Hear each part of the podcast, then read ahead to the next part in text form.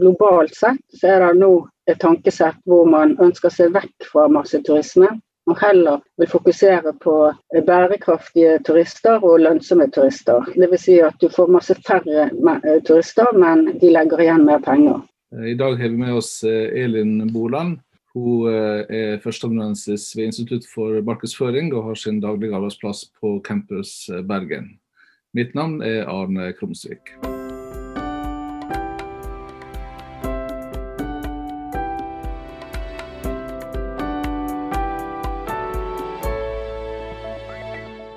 Jeg har alltid hatt en veldig sterk lidenskap for reiseliv. Jeg har, eh, fra jeg var tenåring så har jeg vært veldig tydelig på at uh, det skulle bli min karrierevei. Å gå inn i reiselivsbransjen på en eller annen måte. Uh, og det var jo akkurat det som skjedde. Jeg har hatt en lang karriere der med en god del lederstillinger i løpet av 25 år. Og av de 25 årene så har 15 av de vært på ren destinasjonsledelse. Og den har jo adventure, Vi kaller det adventure-turisme, kanskje mer enn opplevelsesturisme. Og det um, har vært en stor del av de jobbene jeg har hatt innenfor destinasjonsledelse. Og så er det det at jeg er personlig interessert i å gjøre noen adventure-aktiviteter. Jeg syns det er spennende både her hjemme og benytter veldig ofte sjansen hvis jeg reiser internasjonalt. Prøver forskjellige ting i forskjellige adventure-destinasjoner. Men så er det også det at eh, Da jeg var i næringslivet og da jeg var direktør i Fjord-Norge, så bestemte jeg meg for å hoppe av for å ta en doktorgrad i omdømmebygging av destinasjoner. Og Det var en kjempeinteressant periode, for da lærte jeg veldig mye og forsket på teorier som går på underliggende psykologiske faktorer for hvorfor folk gjør det ene og det andre og tenker det ene og det andre og kanskje ubevisst uh, har diverse handlinger osv. Så med de teoriene og den bakgrunnen innenfor å komme litt under huden på, på, på psykologien, eh, så, så, er det som en fantastisk kombinasjon med å undersøke mer hva er det som skjer med turister og med adventure-turisme. Så den kombinasjonen følte jeg at jeg traff blink, og at uh, det er et stort privilegium å få lov å forske på noe jeg er aller mest interessert i. Og Samtidig så er jo opplevelsesturisme eller adventure-turisme er faktisk det turistsegmentet i verden som øker hurtigst. Og det i seg selv er et eh, fenomen som er veldig interessant å følge med på og få lov å delta i. Hva som gjør at turistene søker mot uh, denne formen for uh, turisme? Det har veldig mye med ja, det har, altså det har jo mye med at turistene over tid har utviklet seg veldig. Altså, for 40 år siden så dro man charter til eh, Syden, og så ble det bussturer osv. Nå blir det mer og mer individuelt. Turistene globalt sett er blitt mer og mer erfaren. Og man søker mer og mer ut til naturbaserte destinasjoner. Så det er en veldig viktig grunn at man eh, søker vakker natur. Man søker eh, å gjøre noe i naturen. Vi kan jo bare, trenger ikke å se lenger enn til Norge, hva som har skjedd her, og ikke minst i sommer Eh, nå er ikke dette noe nytt. Altså, den type tankesett har jo gått over noe tid, men det har tatt veldig av. Og det er nok kanskje noe med at uh, når man begynner å fjerne seg fra naturen, så er det et behov for å komme tilbake igjen og få lov å oppleve naturen på en uh, positiv måte. Så det er nok noe av det viktigste uh, i forhold til å ha motivasjon. Men så er det også noe med at man ønsker å utvikle seg. og Det er noe av det jeg forsker på. Å se på hvordan vi faktisk ser at opplevelsesturisme blir brukt som et verktøy til å utbedre sitt eget uh, selvbilde, faktisk. Det er en interessant ting som vi har interessante funn på. Hva er det folk søker da, egentlig? De søker å strekke egoet sitt litt. Men jeg tenkte kanskje jeg kunne si uh, litt om um, hva adventure-turisme på mange måter er for noe. fordi at eh, Når vi skal snakke litt om selvbildet, så er det en fordel å ha gått ett steg tilbake og bare kikket litt på, på, hva det egentlig går i. Og Generelt så er jo opplevelsesturisme det er jo da eh, aktiviteter i naturen som har en mer eller mindre ekstrem karakter altså lette aktiviteter, til en skala opp til ganske vanskelige eh, aktiviteter. Og Selve definisjonen på opplevelsesturisme eller adventure-turisme det er at man må ha minimum én overnatting et eller annet sted nasjonalt eller internasjonalt. Det må være en fysisk aktivitet. Det må være en eh, naturbasert setting. og det må være en form for og eller en form for kulturell fordypning. Så et eksempel på det kan være at hvis man f.eks. går en fottur i Peru, man går Inca Trail-ruten, som er en naturbasert setting, og det er en fysisk aktivitet. Og når man da kommer frem til Machu Picchu så får man, eh, og ser det historiske der, så får man en kulturell eh, fordypning. Um, så er det sånn at man skiller da mellom de lette aktivitetene og de helt ekstreme. Det blir på en måte en sånn continuum, en skala. Og de enklere aktivitetene de kaller vi soft adventure. Og jo mer ekstreme de blir, så går de opp mot å bli veldig hard adventure og soft adventure-aktiviteter. Det er eh, aktiviteter som har en lavere grad av reell risiko. Det, har, eh, det krever mindre ferdigheter, begynnerferdigheter. Man behøver nødvendigvis ikke være så veldig fysisk i god form eller ha tekniske kunnskaper osv. Eh, og så er det en lavere det vi kaller mental forpliktelse. altså Dvs. Si at det er en lavere terskel for på en måte å ta rød og gjøre aktiviteten. Og Eksempler på det kan være ja, vanlig fottur i fjellet. Det kan være eh, sykling, ridning, eh, hundespann, kajakkturer i rolige farvann osv. Og så har du hard eh, adventure på den andre siden av skalaen, som har en mye høyere eh, reell form for risiko. Og også, ikke alltid, men i veldig mange tilfeller vil kreve en, eh, en fysisk eller teknisk forkunnskap og at også terskelen er høyere, altså en sterkere mental forpliktelse. Og Der er f.eks. fjellklatring et eksempel. altså Man kan ikke begynne å klatre i en fjellvegg uten å være i fysisk god form og skjønne hvordan man skal knytte knuter og, og feste bolten i veggen. Eh, andre eksempler kan være skydive, at man hopper tandem, eh, fallskjerm, man hopper strikk. Eh, det kan være kajakk, sjøkajakk i i ganske utfordrende farvann, eller elvekajakk i utfordrende farvann. Så har du mange andre eksempler med alt fra rappellering til kiting til ja, mye forskjellig. Skiekspedisjoner, den type ting også. Så det, Og selv om det er sånn at de aller fleste, de er ikke ekstreme. De er ikke hard adventure-turister. eh, turister. De aller fleste, 90% kjøper de softe aktivitetene, mens 10% kjøper eh, de andre. Og eh, Det er dette vi på en måte ser på eh, i forhold til dette med selvbildet. For Da ligger det noen underliggende faktorer med at folk ønsker å strekke selvbildet sitt litt. Det er jo fire, det er minst fire dimensjoner man kan se på seg selv på. Det ene vil være den reelle oppfatningen av oss selv, sånn som vi tror, mener at vi egentlig er. Og så er det en ideell oppfatning av seg selv, eller et ideell selvbilde, sånn som vi skulle ønske at vi kunne oppfatte oss selv. Og så er det et sosialt selvbilde, som er sånn som vi tror andre oppfatter oss. Og et ideelt sosialt selvbilde, som er sånn som vi skulle ønske andre ville oppfatte oss. Eh, og det vi da ser, er at folk har en tendens til å strekke dette egoet litt at uh, man ønsker å på en måte kanskje være med og føle litt mestring og, og gjøre ting som gjør at man kan man heve det reelle uh, selvbildet til å bli, gå mer mot det ideelle. Og Der ser vi også at folk oppfatter det litt mer kult og litt mer sånn adventurous å være på den mer ekstreme siden, og at folk strekker seg etter det. Og Det var en av de første undersøkelsene vi gjorde ved å se på adventure-destinasjoner for å finne ut på hvilken måte bør de posisjonere seg i markedet? Bør de posisjonere seg eh, på den softe siden, sånn som 90% av turistene kjøper, eller skal de posisjonere seg mot det mer ekstreme, eh, sånn som bare 10% av turistene eh, kjøper? Men det vi finner, er helt klare tendenser på at de destinasjonene som markedsfører seg og posisjonerer seg mer ekstremt, de vinner. De blir, får mye bedre holdning og blir mye mer likt blant uh, turistene. Og Vi tror at dette er underliggende psykologiske faktorer som gjør at folk, folk ønsker å på en måte få lov å være med. og, og At selvbildet er på ingen måte hele bildet, men at det er en, en viktig del av det. Du har et uh, hjerte for uh, Vestlandet. og Hva slags særlige forutsetninger har en der for å utvikle denne formen for turisme? Vi har jo et produkt i verdensklasse, det er det ingen tvil om. og vi er meget godt tilrettelagt for adventure-aktiviteter. Vi har fjell, vi har fjord, vi har den naturen som skal til. Og eh, Det har jo også vist seg at når vi ser på hvilke land i verden er de mest etterspurte, så ligger faktisk Skandinavia som nummer én, etterfulgt av Sør-Amerika og Sør-Afrika.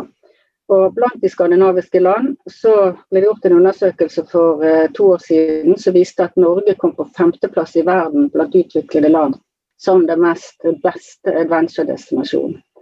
Og Det er en undersøkelse som ble gjort av en organisasjon som heter ATTA, som står for Adventure Travel Trade Association. Der den eneste store eh, organisasjonen som ivaretar adventure-turisme på global basis som gjorde den, de gjør den undersøkelsen med jevne mellomrom. Så det at vi har havnet på en femteplass i verden, det sier jo noe om eh, hvilke muligheter vi har, og egentlig også hva vi allerede har oppnådd. Er det stor forskjell på hva tilreisende turister søker, og hva de som er vokst opp blant fjorder og fjell eh, er interessert i? Ja, Vi er litt tøffere vi nordmenn, da. Vi er som regel det.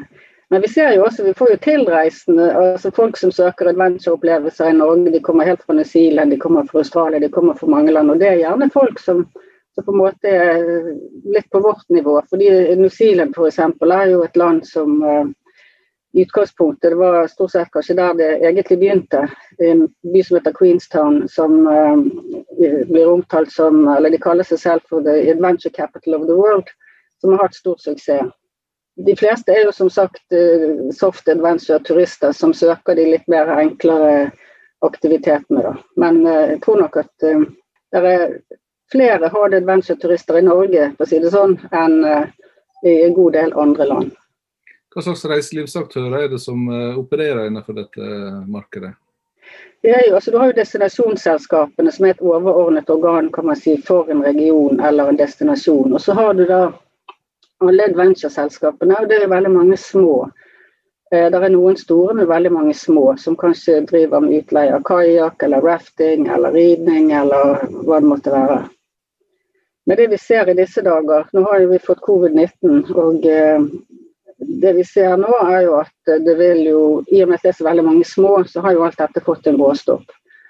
Og eh, turistene er jo ikke her lenger inntil videre, da. Så det vil nok komme en god del eh, konkurs eh, innenfor dette segmentet.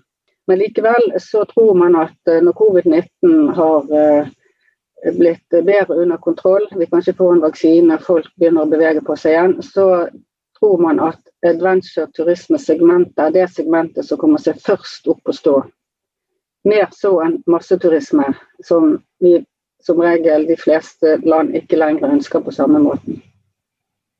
Når du forsker på dette, her, kan du fortelle litt om hvordan du går fram i praksis? Ja, Vi går jo frem i praksis ved at vi faktisk reiser til de destinasjonene vi, eh, vi ønsker å finne turister i. Så Vi har jo vært forskjellige steder. Vi har vært på Svalbard, eh, vi har vært eh, på Voss, vi har vært i Queenstown på New Zealand, vi har vært i Cairns i Australia og vært, til og med vært i Antarktis, på den antarktiske halvøya, som også er en adventure-destinasjon. Litt, litt, uvanlig, men dog en, en veldig spennende adventure-destinasjon. Så vi reiser jo til destinasjonen. Eh, vi har eh, med spørreskjema som eh, fungerer på papir. Det fungerer ikke med iPads og digitalt. Du må være ute i naturen og settingen. Så sånn sett så blir det jo en del etterarbeid med å sitte og punche alt dette her. Men og det vi ser på, da er jo f.eks. så dro vi på en ny undersøkelse nå ned til Queenstown i desember og skulle forske på overturisme, fordi at Queenstown, som som sagt er en ledende adventure-destinasjon i verden, har begynt å slite med overturisme. Og Da tenkte vi at nå har vi en veldig god sak. Eh, for overturisme, det var, eller masseturisme, trengsel, crowding på engelsk, eh, har jo vært overskrift i media over lengre tid og blitt en problemstilling. Så vi dro ned og samlet inn to data sett, og kom tilbake til Norge rett før covid og tenkte oi, her stoppet jo alt opp. Ingen mer overturisme. Så vi tenkte at her har vi mistet to datasett. Men eh, det tok ikke lange tiden før vi skjønte at det var på ingen måte riktig. Fordi at eh, dette med overturisme og trengsel det vil fortsatt være veldig relevant også i forskningen, og ikke minst i det praktiske liv, av tre forskjellige grunner. Og Det ene er at Vi så jo da Kina åpnet. De var jo det første som altså, åpnet opp. Og det første som skjedde, var at turistene strømmet til, akkurat som før, i store menneskemengder til turistdestinasjoner. Og I og med at vi nå har hatt lockdown og hatt restriksjoner, så er det naturlig å tenke at veldig mange mennesker har et oppbygget behov for å komme seg ut og reise igjen. Eh, og at vi på nytt vil se tilfeller av overturisme. Den andre grunnen er at uh, veldig mange aktører og bransjen generelt, i det hele tatt globalt sett, så er det nå et tankesett hvor man ønsker seg vekk fra masseturisme, og heller vil fokusere på eh, bærekraftige turister og lønnsomme turister. Dvs. Si at du får masse færre eh, turister, men de legger igjen mer penger. Men med det vi ser med et ras av konkurser, masseoppsigelser osv., så, videre, så kan det være forutsetninger som ikke ligger til rette for at man i alle fall på kort sikt kan klare å nå disse gruppene, og at man kan bli fristet til igjen å tiltrekke seg de store massene. Og Den tredje årsaken er vel egentlig den aller viktigste, nemlig at vi har jo lært noe under covid-19. Og vi har lært noe om avstand, smittevern, restriksjoner osv. Og, så og selv om eh, selv om vi skulle få kontroll på eh, pandemien, så er det sannsynlig at det vil henge igjen noe frykt i forhold til dette med avstand. At folk ikke lenger vil ønske å stå tett i tett i kø. At folk ikke ønsker trengsel, og at folk vil ha mer luft rundt seg. Og at uh, hvis man opplever det motsatte, at det kan skape stress, frykt uh, og, og, gi en negativ uh, turistopplevelse. Så av de tre grunnene så ser vi at at datasettene de var ikke bortkastet likevel. Selv om eh, typen turisme er unik, er det noe som er særegent med måten de markedsfører, uh, altså reklamerer for denne type tilbud? Ja, det går på at man, man, fremhever dette med naturen. For det aller viktigste de ser på det dette, det skal være vakker natur, det skal være i et, et flott naturområde. Det andre er at det skal være tilstrekkelig med aktiviteter, og så spiller klima en rolle. Så markedsføringen den går jo på å få frem disse, spesielt de to første tingene. da. Eh, men så er det også viktig dette med at, eh, som vi har vært inne på, at eh, man posisjonerer seg. Jo mer ekstremt man posisjonerer seg, jo mer vellykket er det sannsynlig at man blir. Jo bedre holdning for turistene til destinasjonen. Så det går nok en tendens litt den veien at at markedsføringen går mot det litt mer tøffe for å trekke til seg folk. Når du underviser markedsføring, eh, hva slags eh, erkjennelse kan du ta med deg fra denne forskninga som, som, gjelder markedsføringsfaget generelt? Jeg viser jo alltid frem forskningen min. Og Det er jo, det er jo markedsføring det går i. Sant? og Det er, det er psykologiske faktorer underbygger som, som eh, markedsføringsteoriene stort sett er bygget på. Så i alle mine fag går dette inn. Og jeg har jo også undervist på hotelledelse, f.eks. i destinasjoners konkurranseevne. Jeg tenker at Du kan ikke sende disse hotellstudentene ut eh, tilbake i næringen uten at de vet noe om verdens hurtigst voksende segment. Og Vi ser jo også store tendenser i hotellbransjen til at de ønsker å hekte seg på. De knytter til seg adventure-operatører osv. for å på en måte få sin del av kaken. Så i samtlige mine kurs så er dette en viktig del av, eh, av undervisningen. Har vi et spørsmål fra Alexander Sivertsen, vær så god. Vi står jo midt i en pandemi, og det går jo hardt utover reiselivsnæringen i hele verden, inklusiv Norge. Så da får vi en del spørsmål fra eh, reiselivsnæringen som lurer på hva er det som eh, de møter når pandemien gir seg. Eh, og I den forbindelse lurte jeg på, siden du både har lang erfaring både som forsker og en aktør i reiselivsbransjen, ser du at det er ulike regionale utfordringer i Norge? At eh, på Vestlandet, Østlandet og Nord-Norge har ulike baner etter covid-19? Jeg tror at Ikke nødvendigvis geografiske forskjeller, men de som er flinkest, og de som eventuelt vil lykkes i å tenke bærekraft og lønnsomhet, og vil faktisk klare å tiltrekke seg disse gruppene eh, med dog færre turister, det vil bli de som er på vinnersiden. De som faller tilbake til masseturisme, eh, tror jeg ikke vil ligge på vinnersiden. det er helt avgjørende at man tenker eh, og tilrettelegger også for en sånn eh, post covid-19-periode som vil nok strekke seg over flere år. Men det vi ser er at Nå har jo Innovasjon Norge nettopp gjort en stor undersøkelse. De har gått ut og testet turister 6000 i Europa. Og eh, Det viser seg jo da at reiselysten de neste tre år den er dessverre laber. Men eh, når de først skal ut og reise, så er Norge et av de landene de sier at de vil komme til. Og Det sier jo også noe om at Nord-Europa er blitt mer attraktivt enn Sør-Europa. Og det sier også noe om de naturproduktene vi har eh, i vårt land, som er helt i verdensklasse. Og jeg tror som sagt, eh, jeg er enig med denne organisasjonen ATA som, som tror at uh, dette adventure-segmentet er det som vil komme seg først opp og stå. Men vi vil se utfordringer for mange av aktørene, adventure-aktørene. De små bedrifter de vil uh, gå under. Det vil ta tid å bygge de opp igjen, sånn at produktet kan komme tilbake på et uh, samme plan som det var før, og dessuten utvikle seg videre fremover. Men jeg tror det er stor optimist. Det, denne næringen kommer til å komme seg flott på beina igjen etter en periode. Da skal uh, Eivind Breivik uh, stille spørsmål. Eh, veldig interessant eh, å høre om, eh, om utviklingen. Eh, Alexander nevnte jo egentlig dette med regioner. Hvilken region i Norge er det som har størst vekst? Vet du det? Ja, altså Fjord-Norge-regionen har hatt vel over tid den regionen vi kan si har hatt størst vekst. De har tatt markedsandeler år etter år etter år. Og det har nok noe med altså, Selv om hele Norge er et vakkert land, så er det jo noen områder som skiller seg ut. og Vi sier jo stort sett at indrefileten i det norske reiselivsproduktet det ligger på Vestlandet og det ligger i Lofoten og i Nord-Norge. Så at de destinasjonene som på en måte har, eh, har fått den uh, mest unike naturen, kan være de områdene som, uh, som også vil uh, klare å komme seg tilbake hurtigst. Og ha de beste forutsetningene. Jeg antar at du har prøvd litt av disse tilbudene sjøl når du eh, har vært ute og studert det nærmere. Hva er det som er din favoritt? Ja, det tror jeg var å padle kajakk blant isfjell i Antarktis. Det var fantastisk. Eh, jeg har gjort mye rart. Jeg dykket med hvithai i Sør-Afrika og eh, gått på isbre på New Zealand og hoppet strikk på New Zealand og litt forskjellig. Så det har vært uh, opplevelser som uh, som uh, med glede tenker tilbake på. Eh, gode minner.